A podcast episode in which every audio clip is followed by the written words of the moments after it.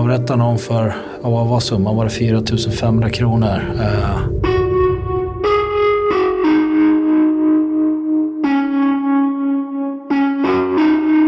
Livstids fängelse blev domen för den 47-årige man som i april mördade en 33-årig kvinna i Brandkärr i Nyköping inför ögonen på hennes åttaårige son. 2006 döms Son Do till livstids fängelse för mordet i Brandkärr. Han fälls trots att det saknas teknisk bevisning som fingeravtryck, DNA, krutstänk eller mordvapen. Domen vilar istället tungt på det enda vittnet. En sjuårig pojke som säger att han såg Son Do skjuta ihjäl mamman. Han var helt övertygad om, om det här. Han hade sett sin mamma bli skjuten och eh, att han visste vem det var som hade gjort det. Men Son Do har hela tiden nekat till brottet. Har du skjutit den här kvinnan? Nej, jag har inte gjort. I avsnitt två följer vi polisarbetet som fick Son Do fälld för mordet på kvinnan. Det är väl så att nu har ju Son visat exakt hur han har hämtat soporna och i vilken ordning han har öppnat dörrar, hur han har gått runt. På det sätt han gjorde på kvällen, på fredagskvällen. Det är rätt Son. Om det här har fått en avgörande betydelse så det tycker jag är anmärkningsvärt för att det är inte en rättvisande då rekonstruktion för att få ett grepp om hur lång tid han har spenderat i de här utrymmena. Det här är Spår Med Anton Berg, och Martin Jonsson. Brandkärrsmordet. Avsnitt 2.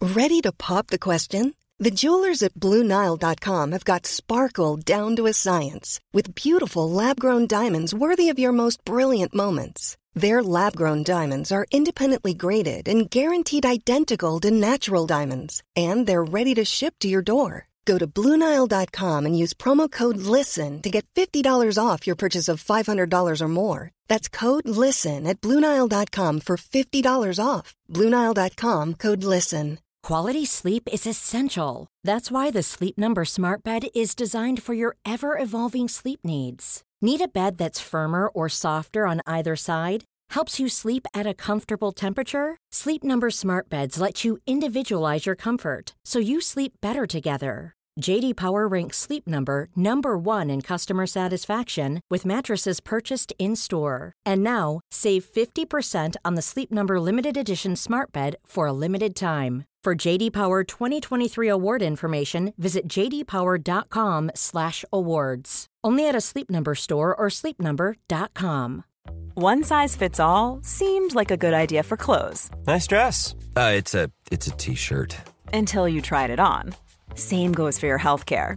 That's why United Healthcare offers a variety of flexible, budget-friendly coverage for medical, vision, dental, and more. So whether you're between jobs, coming off a parent's plan, or even missed open enrollment, you can find the plan that fits you best. Find out more about United Healthcare coverage at uh1.com. That's uh1.com.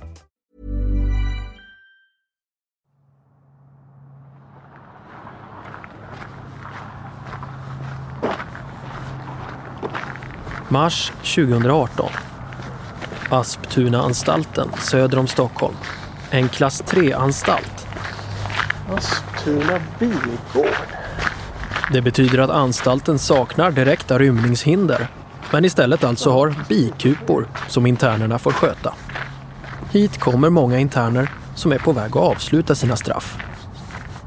Jag är på väg hit för att träffa Sondo som nu fått tidsbegränsat straff. Hans livstidsstraff kommer att löpa ut inom två år. Då anses han ha avtjänat det straff som han dömdes till 2006 när både tingsrätt och hovrätt ansåg att det var bevisat bortom rimligt tvivel att det var Sondo som sköt ihjäl den 32-åriga kvinnan i Brandkärr. Båda dessa domar bygger på det enda vittnet. Den sjuåriga pojke som såg sin mamma skjutas. Han pekade ut Sondo. Rätten ansåg, precis som vittnet Ann-Marie Wallin som tog hand om pojken hela den kvällen, att hans utpekande var både trovärdigt och tillförlitligt. Det fanns liksom ingen tvekan i, i det. När han berättade vem det var så, så sa han det var han. Eh, han berättade hur han såg ut. Och att han hade träffat honom tidigare liksom. Så det kändes, det kändes som att nej men han hade ju mött honom. Det, det var, han var tydlig. Men efteråt har kritik riktats mot polisutredningen.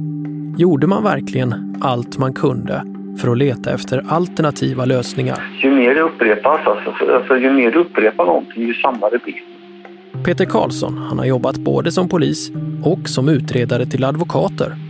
Så polisen har väl bestämt sig väldigt tidigt vem det är de ska ha. Vi ska återkomma till hans kritik längre fram den här säsongen. Tjena! Hej! Jag ska säga Anton. Så är det? Ja. Du vill ha legitimation på dig kanske? Ja, det får vi gjort. Jag tror att min tolk, eller ja, tolken som ska vara med på besöket kommer där uppe i taxin också.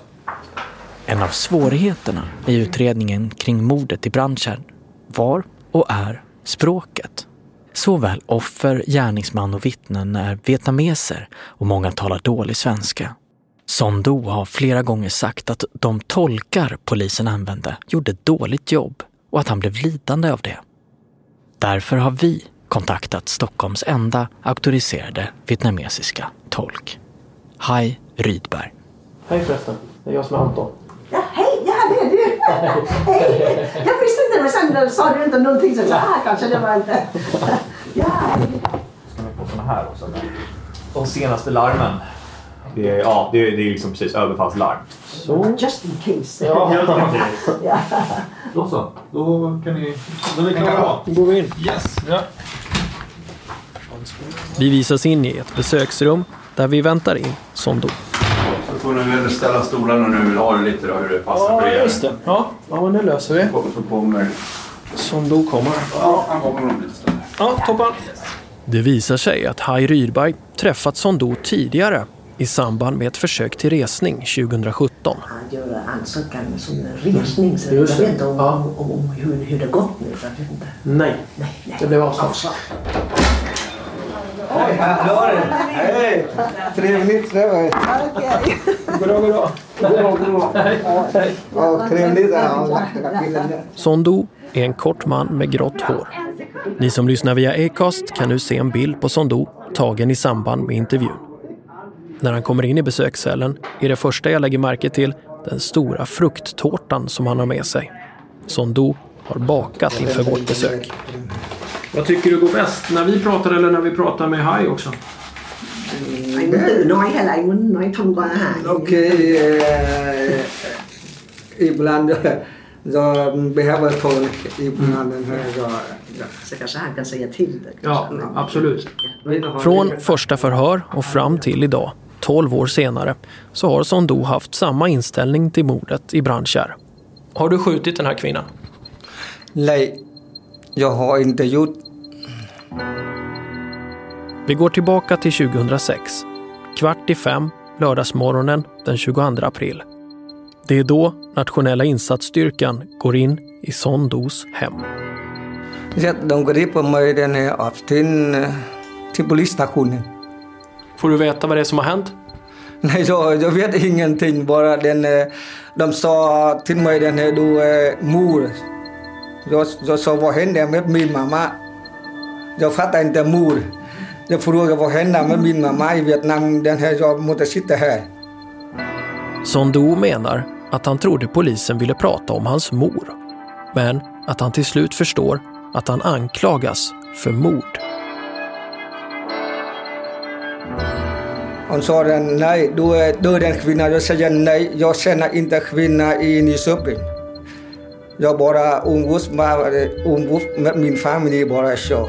Varför ni säger så? Ni måste släppa mig. Säg inte så till mig. Inte skoja så där med och mitt liv.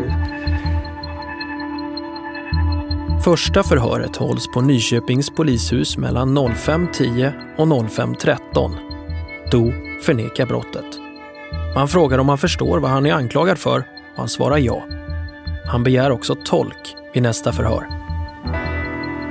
Mycket chock. Jag har inte gjort varför de kunde få mig så där. Jag vet inte den. Du är chockad? Ja. Man gör en rättsmedicinsk kroppsundersökning på Sondo. Hans fingrar och naglar undersöks, men inga spår efter den mördade kvinnan hittas. Ett dygn senare håller man första längre förhöret med Sondo. Då har man hunnit förhöra den sjuåriga pojken som pekar ut honom. Nu närvarar en tolk och Sondos advokat. Polisen informerar Sondo om vem offret är och undrar om Sondo är bekant med kvinnan. Sondo svarar att han känner till henne och att han har mött henne, men att han inte känner henne. Hon har besökt hans restaurang. Jag kommer inte exakt ihåg den så många människor går in, går in min restaurangen. Men jag märker den här tre, tre gånger. Två gånger hon kommer med den är hennes pojke. Och en gång i Bitsyria. hon är jättetrevlig. Och hon, jag tror den är, hon är jätteartig, den kvinnan. Polisen frågar om Sondo vet var kvinnan bor. Sondo svarar att han vet i vilket område, men inte vilken adress. Har du varit hemma hos henne någon gång?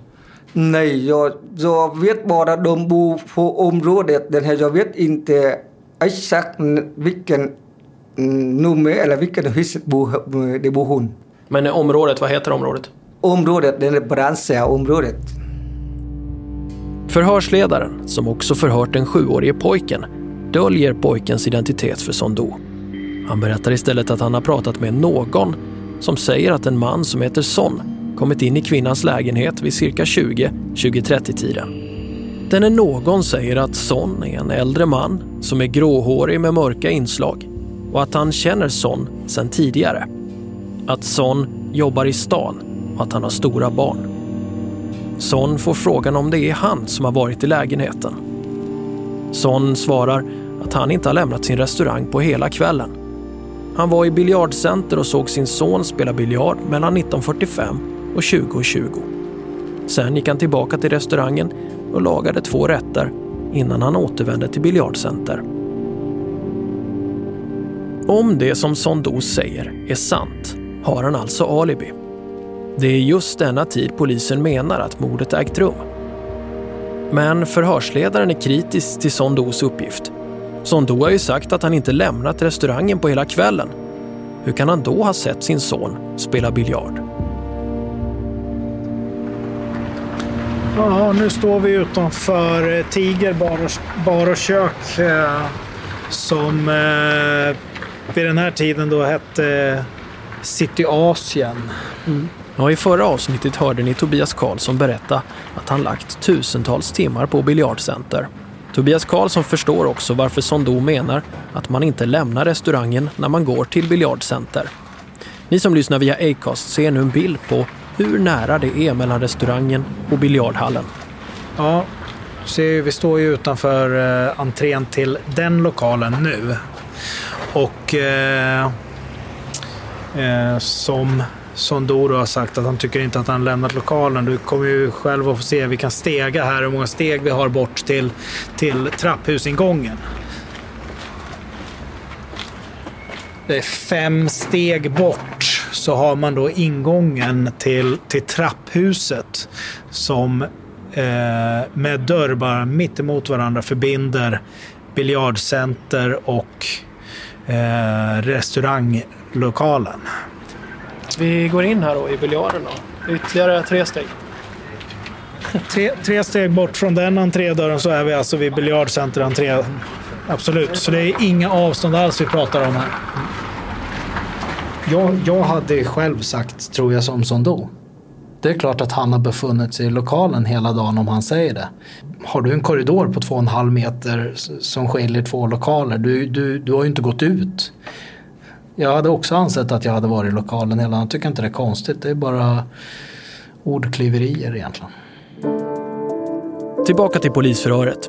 Förhörsledaren berättar för Sondo att den är någon, han avslöjar fortfarande inte att det är kvinnans son, också säger sig ha varit på plats i lägenheten där Sondo ska ha skjutit kvinnan.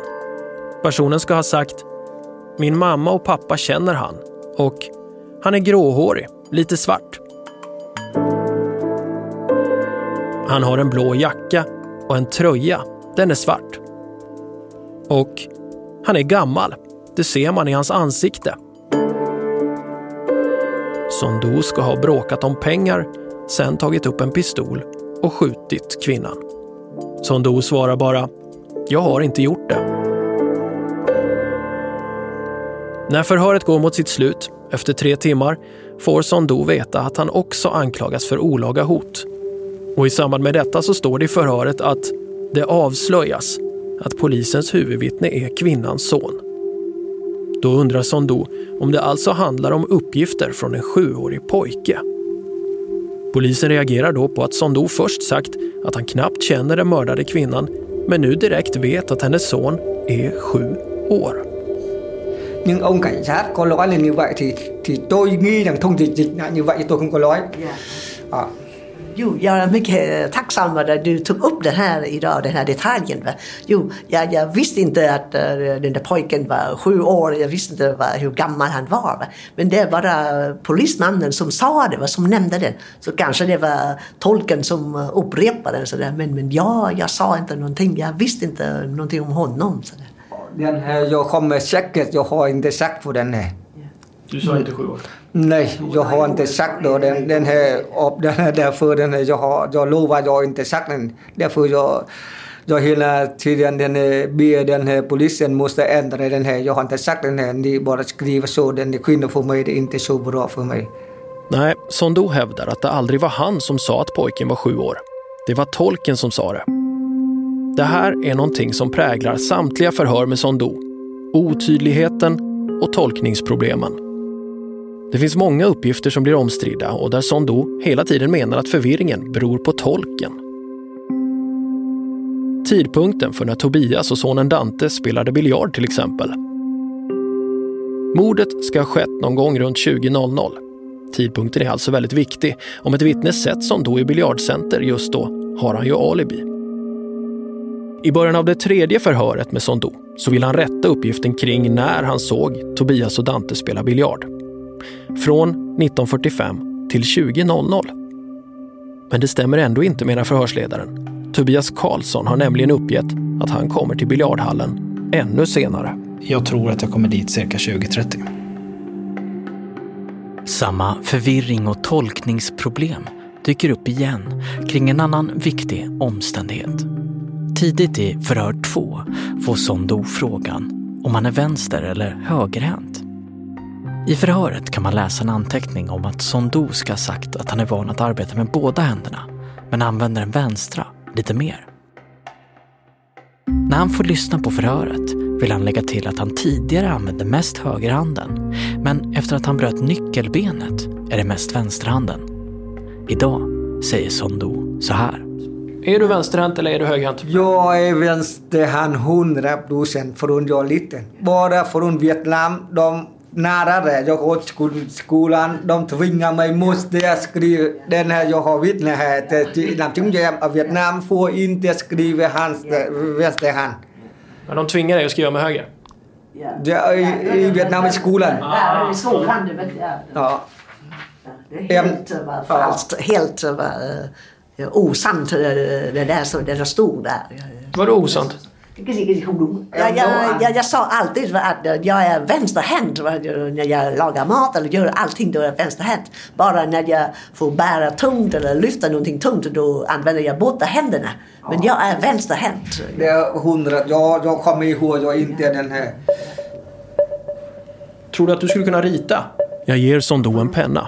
Jag har inte förstått riktigt hur garaget, för det handlar om olika dörrar pratar man också. Skulle du kunna rita?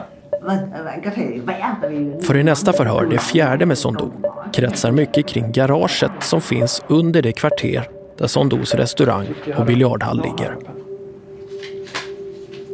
Men innan vi kommer till garaget så ska vi bara kort nämna en av de viktigaste frågorna i en mordutredning.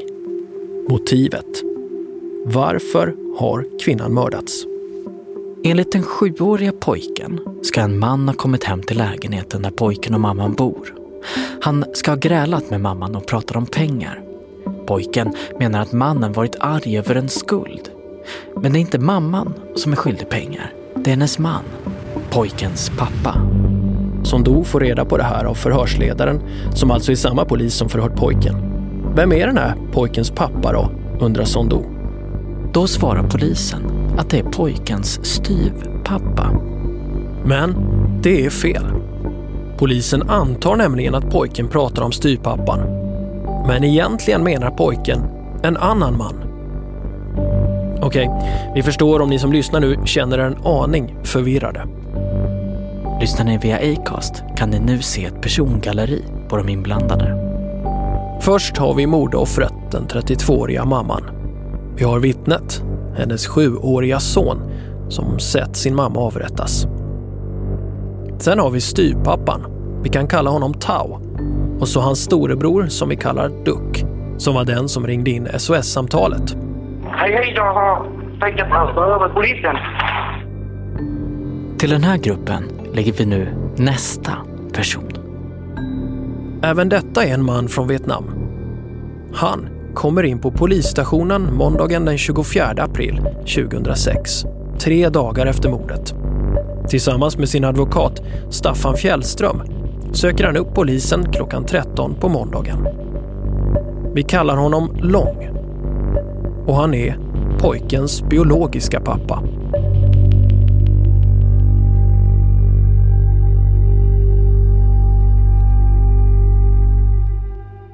I förhöret står det att advokat Fjällström upplyser polisen om att Lång är pojkens pappa. Han har tidigare varit gift med den mördade kvinnan, men skilt sig. Nu har Lång återigen träffat kvinnan och de har tagit upp förhållandet igen. Sen fem månader tillbaka har Lång bott med kvinnan och deras son igen. Advokat Fjällström säger också att Lång inte ätit och sovit på tre dygn.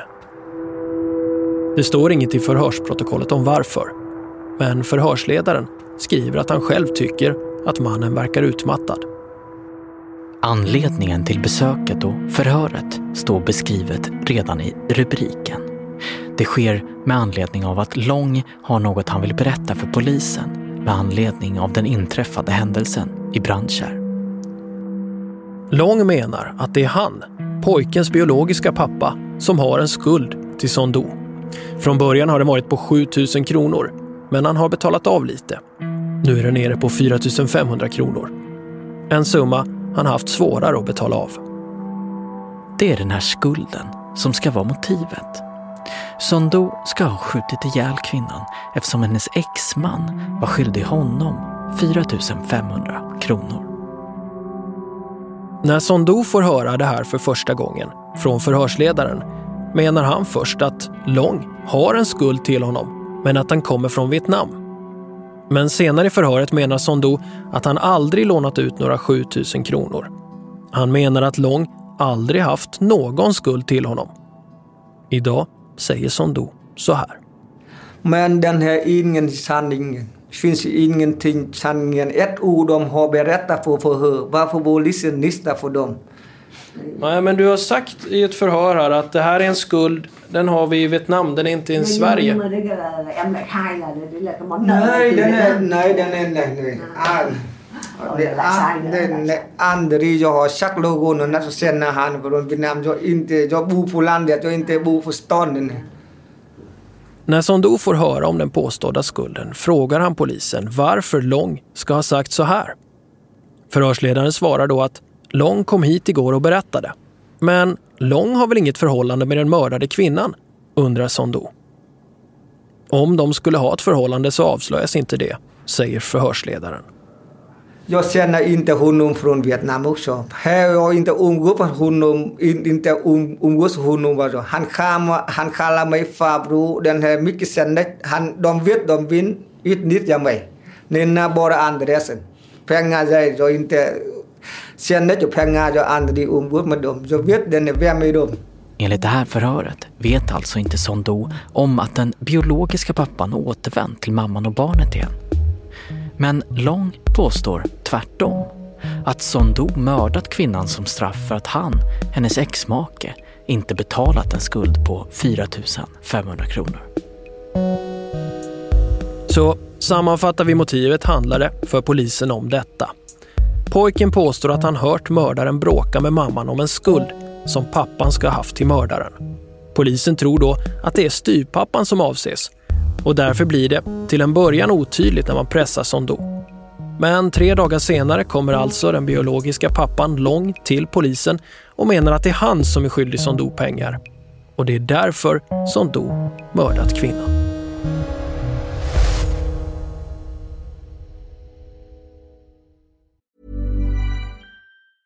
Quality sleep is essential. That's why the Sleep Number Smart Bed is designed for your ever evolving sleep needs. Need a bed that's firmer or softer on either side? Helps you sleep at a comfortable temperature? Sleep Number Smart Beds let you individualize your comfort so you sleep better together. JD Power ranks Sleep Number number 1 in customer satisfaction with mattresses purchased in-store. And now, save 50% on the Sleep Number limited edition Smart Bed for a limited time. For JD Power 2023 award information, visit jdpower.com/awards. Only at a Sleep Number store or sleepnumber.com. Here's a cool fact a crocodile can't stick out its tongue. Another cool fact you can get short term health insurance for a month or just under a year in some states. United Healthcare short term insurance plans are designed for people who are between jobs, coming off their parents' plan, or turning a side hustle into a full time gig. Underwritten by Golden Rule Insurance Company, they offer flexible, budget friendly coverage with access to a nationwide network of doctors and hospitals. Get more cool facts about United Healthcare short term plans at uh1.com. If you're looking for plump lips that last, you need to know about Juvederm lip fillers. With Juvederm Volbella XC and Juvederm Ultra XC, your lip look, whether it's subtle or bold, can last up to one full year with optimal treatment and no additional maintenance. Find a licensed specialist and see if it's right for you at juvederm.com today. That's J U V E D E R M.com. Add fullness to lips in adults over 21 with Juvederm Volbella XC or Juvederm Ultra XC. Do not use if you have severe allergies or a history of severe allergic reactions, or if you're allergic to lidocaine or the proteins used in Juvederm. Tell your doctor if you have a history of scarring or taking medicines that decrease the body's immune response or that can prolong bleeding. Common side effects include injection site redness, swelling, pain, tenderness, firmness, lumps, bumps, bruising, discoloration, or itching. As with all fillers, there's a rare risk of unintentional injection into a blood vessel, which can cause vision abnormalities, blindness, stroke, temporary scabs, or scarring. For full important safety information, visit juvederm.com.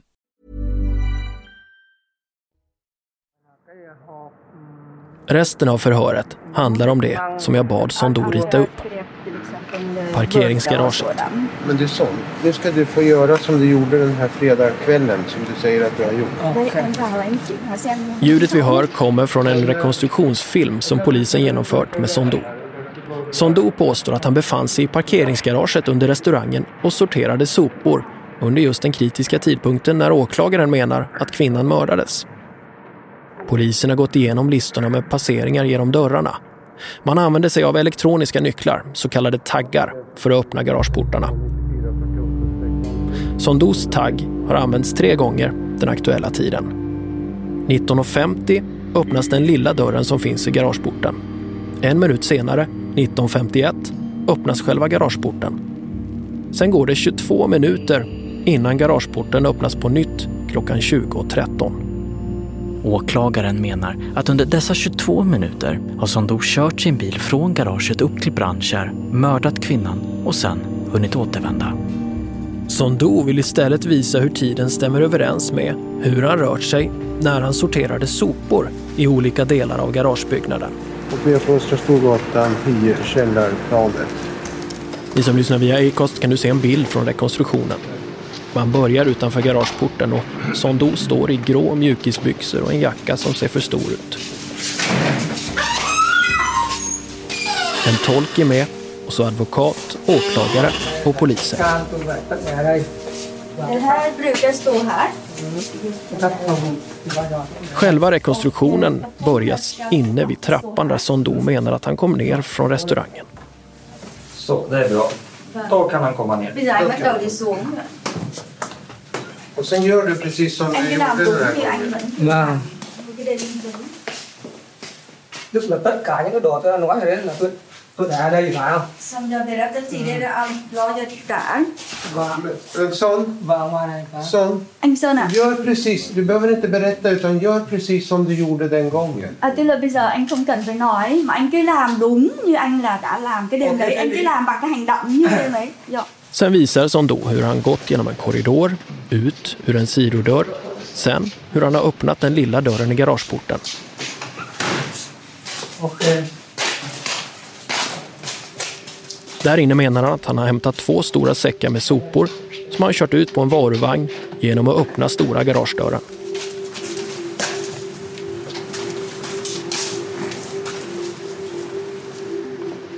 Men nu finns ingen vagn och inga sopor. Så själva rekonstruktionen fortsätter istället med att Sondo hämtar en varuvagn som står parkerad i backen ovanför garaget. Alltså på en annan plats än vid den aktuella kvällen. Det är alltså ett förhållande som inte stämmer överens med det man vill rekonstruera.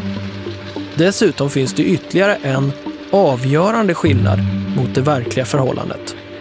Vagnen är nu tom. Faktum är att under hela rekonstruktionen där Sondo ska visa hur han sorterat sopor finns det aldrig några sopor att sortera. Istället visar Sondo hur han gjorde med halvhjärtade gester. Och sen? Fortsätt. Då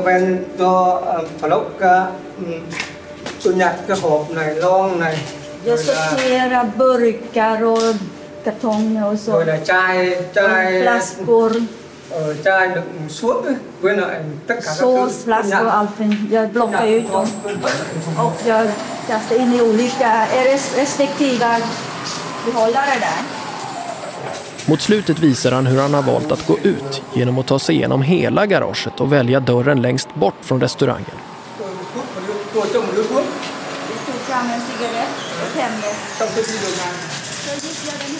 och sen runda kvarteret för att ta sig tillbaka. Han får en cigarett som han tänder för att visa att han ville gå omvägen genom den bortre dörren för att hinna röka.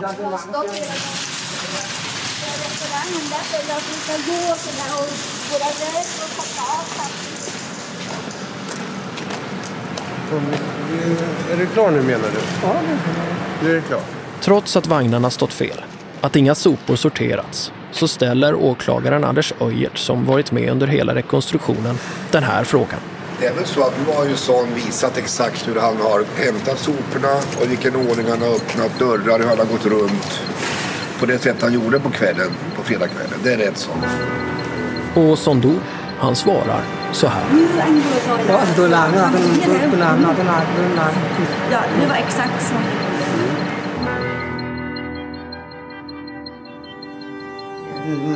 garage này Jo, jag ångrade mycket om det här garaget. och Det, det, ja. När vi gör Spårs intervju så menar Sondo att han var rädd under rekonstruktionen och att han inte tilläts visa exakt hur han sorterade sina sopor. Eh, jag, jag, jag sa till dem när vi var inne i, i garaget, jag sa okay, det, det, det finns inte vad sådana där soporna eller någonting som, som precis som igår. Alltså. Men han, han sa nej, nej, det spelar inte någon stor roll, du bara gjorde det, bara uh, gör det som, som du gjorde. Ja. Så jag fick inte bara berätta eller sådana i detalj eller, så, eller beskriva vad jag egentligen gjort. Alltså, jag bara, Sondo menar att han trodde att det viktigaste för honom det var att förklara hur han rört sig i garaget, inte hur han sorterade sopor. Det förklarar varför han svarade ja när åklagaren frågade om han visat exakt hur det gått till när man sorterade sopor, fastän han aldrig hade några sopor att sortera. Eh, och då, då, men då så fick jag säga till polis, eh, polisen att eh, ja, äh, alla sådana där var soporna som jag slängde, de var inte här och, och, och alla sådana där som, som jag sorterade för återvinning så det fanns inte här. Va? Men, men de sa nej, det gör inget, du, du bara uh, gjort det, va? försökte göra vad du gjorde då. Va? Så där, men, Men i rättegången kommer den här rekonstruktionen handla om den tid det tar att sortera soporna. Åklagaren undrar om det är rimligt att anta att Sondo sorterat sopor i 22 minuter. Men var det verkligen tidsåtgång som rekonstruktionen handlade om? Alltså en rekonstruktion kan ju ha många olika syften. Det kan ju vara att man bara vill titta på handlingar och inte vara så intresserad av tidsaspekten. Där är Per Anders Granhag. Jag heter Per-Anders Granhag, jag är professor i psykologi vid Göteborgs universitet och har ägnat mig i ungefär 30 år åt rättspsykologiska frågor, mestadels i Sverige men bitvis i Nederländerna och USA där jag har arbetat. Och jag håller på med vittnespsykologiska aspekter, förhörs och intervjumetodik och eh, kriterier för bedömning av muntlig bevisning till exempel. Vi har bett honom titta på rekonstruktionen. Per-Anders Granhag menar att han tror på Sondos förklaring. Det viktigaste för Sondo var att visa hur han rörde sig, inte exakt vad han gjorde. Det intrycket får jag också, att han vill visa hur han har gått, hur han har rört sig där i och det, det kan, så, så vitt jag kan bedöma så är, är, han ju van där naturligtvis då. Han, han är mån om detta och han vill berätta precis hur han har rört sig. Och det gör han ju också, men om, men om han tror att det, är, att det bara är det så, så är det ju det han gör då så att säga. Men, att, men om, om när man ska estimera tiden så, så kan man ju inte ha en rekonstruktion på detta sättet. Då måste man ju låta han utföra detta och ha och heller inte bara liksom tomt utan han måste ju ha dem får packa en vagn eh, på det ungefär så som den, eh, så som den var då vid det, vid det så, så nära inpå. Eh, så likt som möjligt då. Och att han sedan får också då sortera, för det är ju det som tar tid. Det är ju inte att gå i rörelse där utan det är själva sorteringen som tar tid.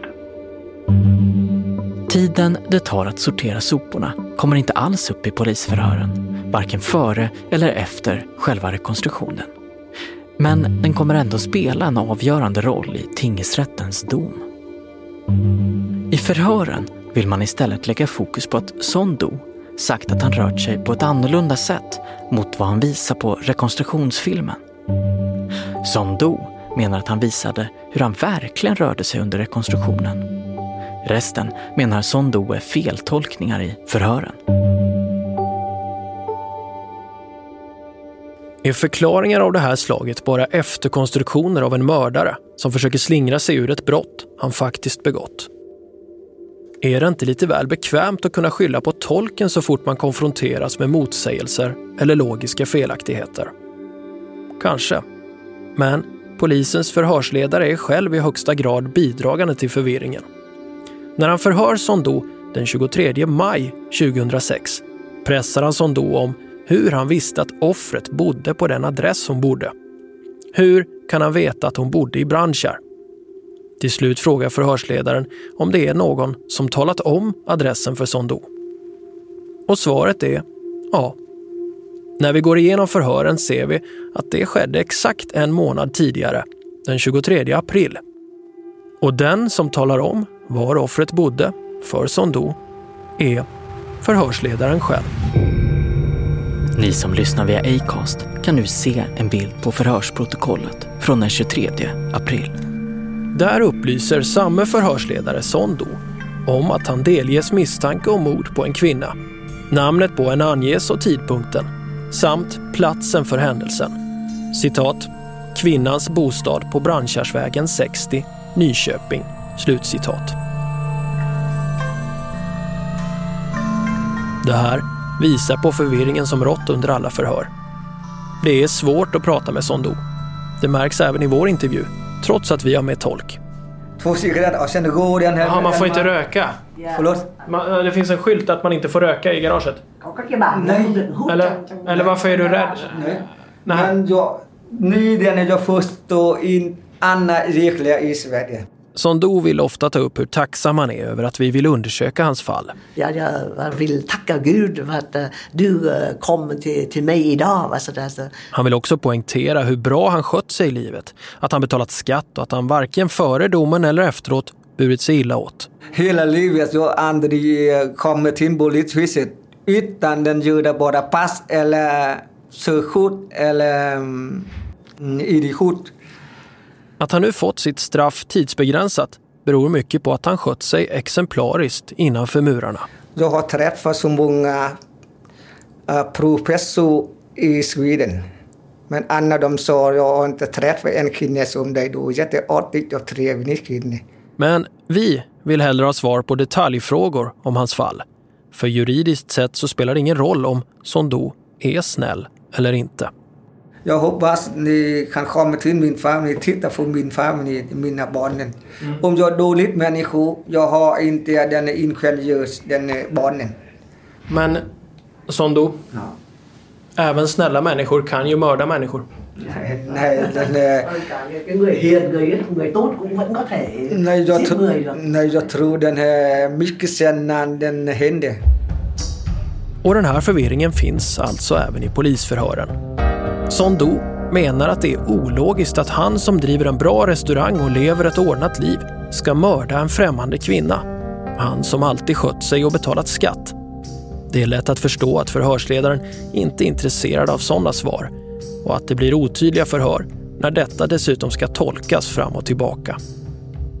Men det här är alltså någonting man inte enbart kan lasta Sondo för. Det illustrerar ju exemplet när förhörsledaren frågar vem som kan ha sagt att kvinnan bor på Brandkärrsvägen 60. Hur kan Sondo veta det här om det inte är han som är mördaren?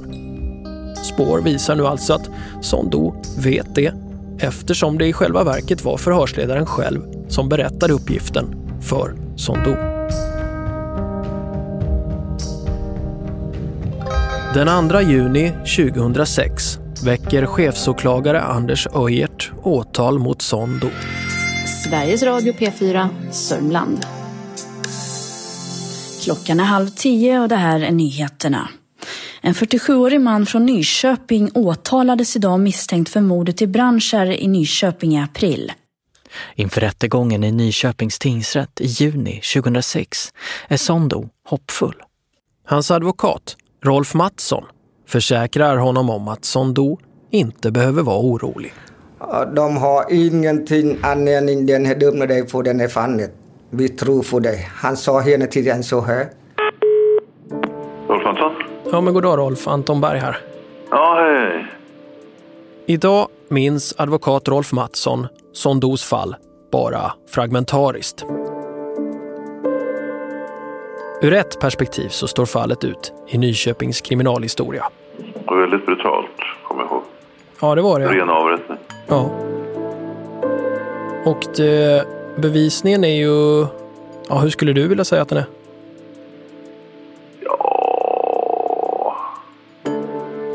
Ja, svårt. Det är... Den är ju tillräcklig, måste man säga med facit på hand. För att när jag, alltså grejen är att när jag kollat runt med lite folk så tycker de att det är en väldigt skral bevisning. Alltså att det bygger på en sjuårings vittnesmål. Mm. För det fanns ju ingen teknisk bevisning. Nej. Det har passerat drygt 12 år sedan förhandlingarna i tingsrätten och det förklarar kanske varför advokat Rolf Mattsson inte längre minns detaljerna ordentligt eller till och med fel. Jag minns faktiskt inte alla detaljer. Eh, pistolen där var väl uppe. Aktuell på något sätt, tror jag. Ja, Den hade man ju inte hittat nu. Man hittade hylsa, Nej, man hittade en Det- 9 det mm hylsa gjorde man på platsen. Det stämmer, ja. Mm. Att han fortfarande säger att han är oskyldig, vad, vad säger dig det någonting eller? Ja, det är lite... Det, det kan man väl inte helt bortse ifrån, tycker jag. Det, det händer ibland. Nej, det fanns varken mordvapen eller teknisk bevisning som band Sondo till brottet.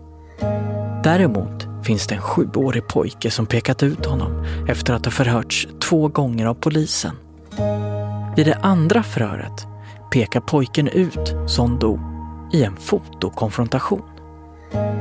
Och så ett annat vittne som menade sig ha sett en man vid den aktuella tidpunkten utanför Brandkärrsvägen 60. Det är detta vittne som Sondo ställer sitt hopp till. Sondo menar att advokaten Rolf Mattsson sagt att det är denna kvinnas vittnesmål som kan fria Sondo. Han sa idag en mm, kvinna kommer vittne. Han pek, hon pekar dig, du är skyldig. Om hon inte pekar dig, du är ingenting på den fallet. Vittnet heter Sally Hiltonen och hon har befunnit sig i en lägenhet på våning 5 på Brandkärrsvägen 60. Alltså samma adress som offret, men två våningar upp. Sally Hiltonen säger att på gården nedanför så ser hon en man som hon beskriver som båtflykting. Hon får utveckla och menar då asiat, alltså thailändare eller vietnames. Mannen går eller springer runt huset och mot parkeringsplatsen. Han har mörkt halvlångt hår och en mörkblå jacka. Åklagaren menar att det här är gärningsmannen. Men Sondo tycker att Sallys vittnesmål är positivt. Han har ju kort, grått hår. Och den jacka som hon beskriver, en enfärgad mörkblå jacka, passar inte heller in på den jacka polisen tagit i beslag från Sondo. Ni som lyssnar via Acast ser en bild på den jackan nu. Den är blå med svarta axlar. Åklagaren frågade henne tredje gången. Hon sa nej, inte den här mannen. Och sen jag kom fram till eh, uh, åklagaren ger mig min jacka och jag gick den fram dem och sen hon sa nej, inte den här mannen. En mannen 175 centimeter och mycket lång stack. Det han jättekort, det är inte, eh, det är inte mannen. Hur lång är du? Jag är 159 lång. Så tre gånger får de frågan av åklagaren. Är, är det här mannen som du såg? Och tre gånger så svarar hon nej. Hon sa den är totalt sex gånger. Första tre gången hon kom hon, hon såg mig mycket noga. Och, och åklagaren frågade den här mannen. Hon sa nej, inte den här mannen. Tredje gången och sen tredje gången jag gick fram, det, här, det är hennes ansikte. Hon sa också tredje gången och det åklagaren har frågat det, det henne. Nej, Sally Hiltunen tycker inte att Sondo liknar den man som hon såg på mordkvällen. Men det friar inte Sondo. Tingsrätten gör nämligen en tolkning av Sally Hiltunens vittnesmål där man å ena sidan anser att hon är tillförlitlig när hon påstår att hon sett mannen avlägsna sig med brådska från platsen. Men sen menar rätten att hennes synskärpa är tveksam och att iakttagelserna gjordes i mörker på kvällen.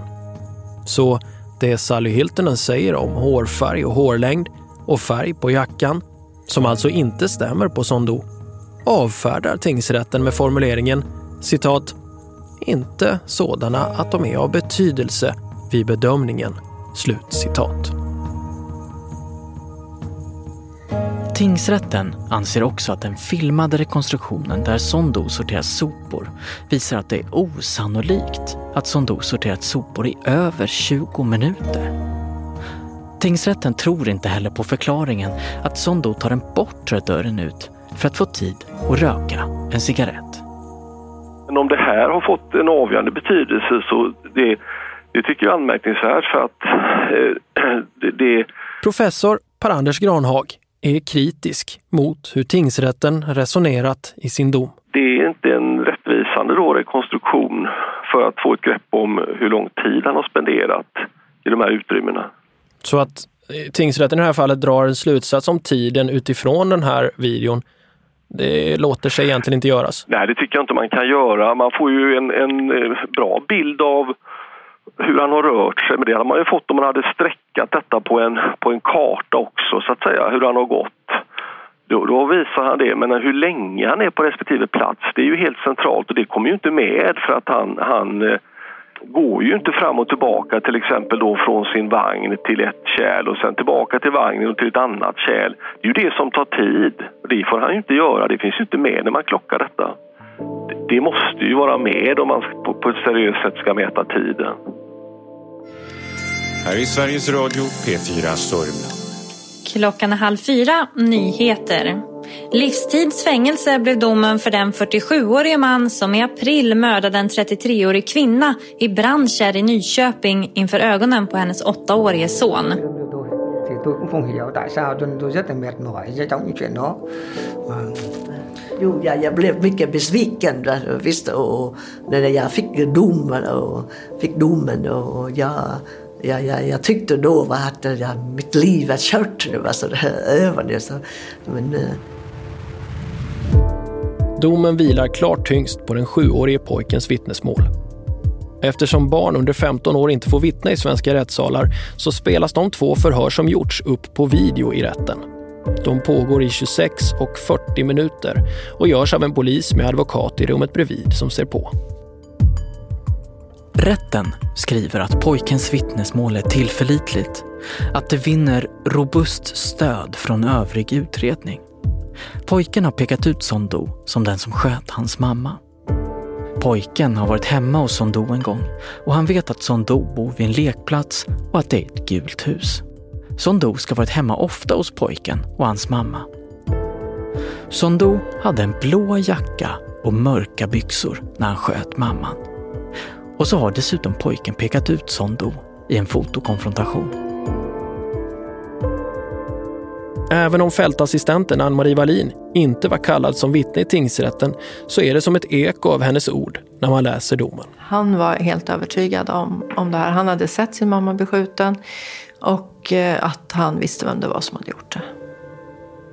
Men som då överklagar till hovrätten och byter advokat. Ett av de vittnen som kallas då är just Ann-Marie Wallin. Det hände nämligen fler saker på sjukhuset på mordnatten.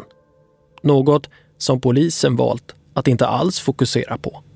Jag bäddade ner honom, det fanns en soffa där i, i det här rummet vi var i och så bäddade ner honom och sen så la han sig i, i mitt knä, liksom, i huvudet i mitt knä.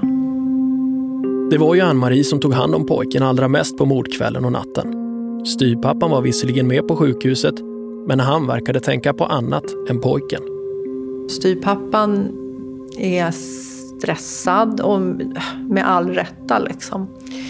Ja, går mest runt, ut och in i rummet, pratar med folk. Ehm, är upprörd liksom. Men inte i närheten av pojken. Uh, inte på så sätt att han liksom vill trösta honom eller prata med honom eller lugna honom utan emellanåt så pratar de men då är det mer att han, jag vet inte vad de säger för de pratar på sitt språk men de pratar till varandra, eller till honom så, inte omhändertagande om du förstår så. Så pojken somnar alltså i Ann-Marie Wallins knä. Sen väcks han bryskt. Mm, styrpappan kommer in. Den här händelsen bevittnas av ytterligare två personer. Uh, pratandes i telefon. Alla vittnar samma sak. Eh, på vietnamesiska och går fram till pojken som då ligger och sover. Eller vilar i varje fall. Jag vet inte om han sover, kommer jag inte ihåg. Och slår honom i ansiktet med, ja, ger honom ett par örfilar. Så. Uh, för att han ska vakna upp och ta telefon. Prata med, med uh, det som han sa var pappa i London. Då. Pojken blev jätteledsen och uh, jag grät under tiden samtalet varade. Minns du vad han sa? Pojken? Nej. Nej. Vet du om det var pappan? Nej, Nej ingen aning. Det här telefonsamtalet berörs inte alls i tingsrättens dom. I de två videofilmade förhören som hålls med pojken och som visas i rätten ställs aldrig en enda fråga kring det här mobilsamtalet. Kuratorn Susanne Barkström, som också befann sig i sjukhusrummet och såg när pojken fick mobilen av sin pappa, säger i sitt vittnesmål att pojken i telefonsamtalet säger ett namn. Trots att samtalet pågår på vietnamesiska urskiljer alltså Susanne Barkström ett namn som upprepas tre gånger. Son, son, son.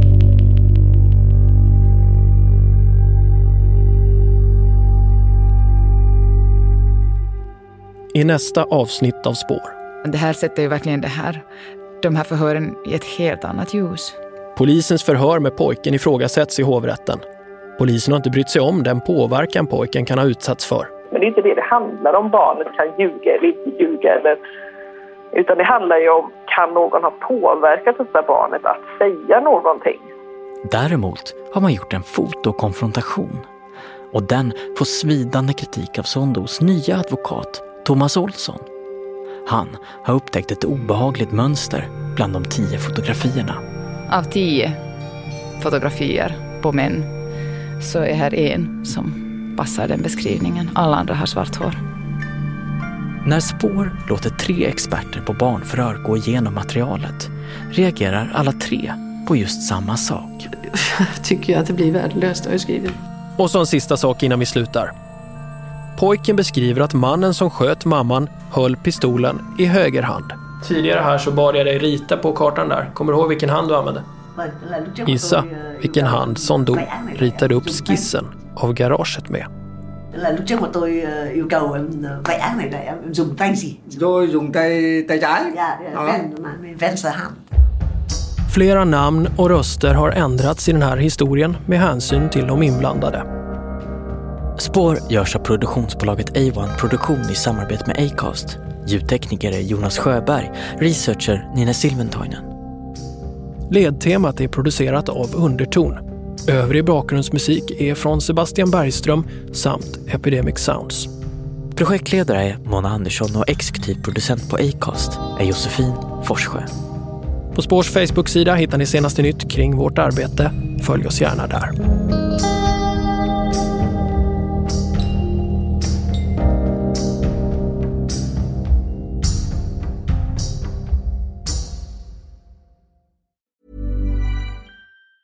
Hi, I'm Daniel, founder of Pretty Litter. Did you know cats tend to hide symptoms of sickness and pain? I learned this the hard way after losing my cat, Gingy. So I created Pretty Litter, a health monitoring litter that helps detect early signs of illness by changing colors, saving you money and potentially your cat's life. Pretty Litter is veterinarian developed, and it's the easiest way to keep tabs on your fur baby's health right at home. Go to prettylitter.com and use code ACAST for 20% off your first order and a free cat toy. Terms and conditions apply. See site for details.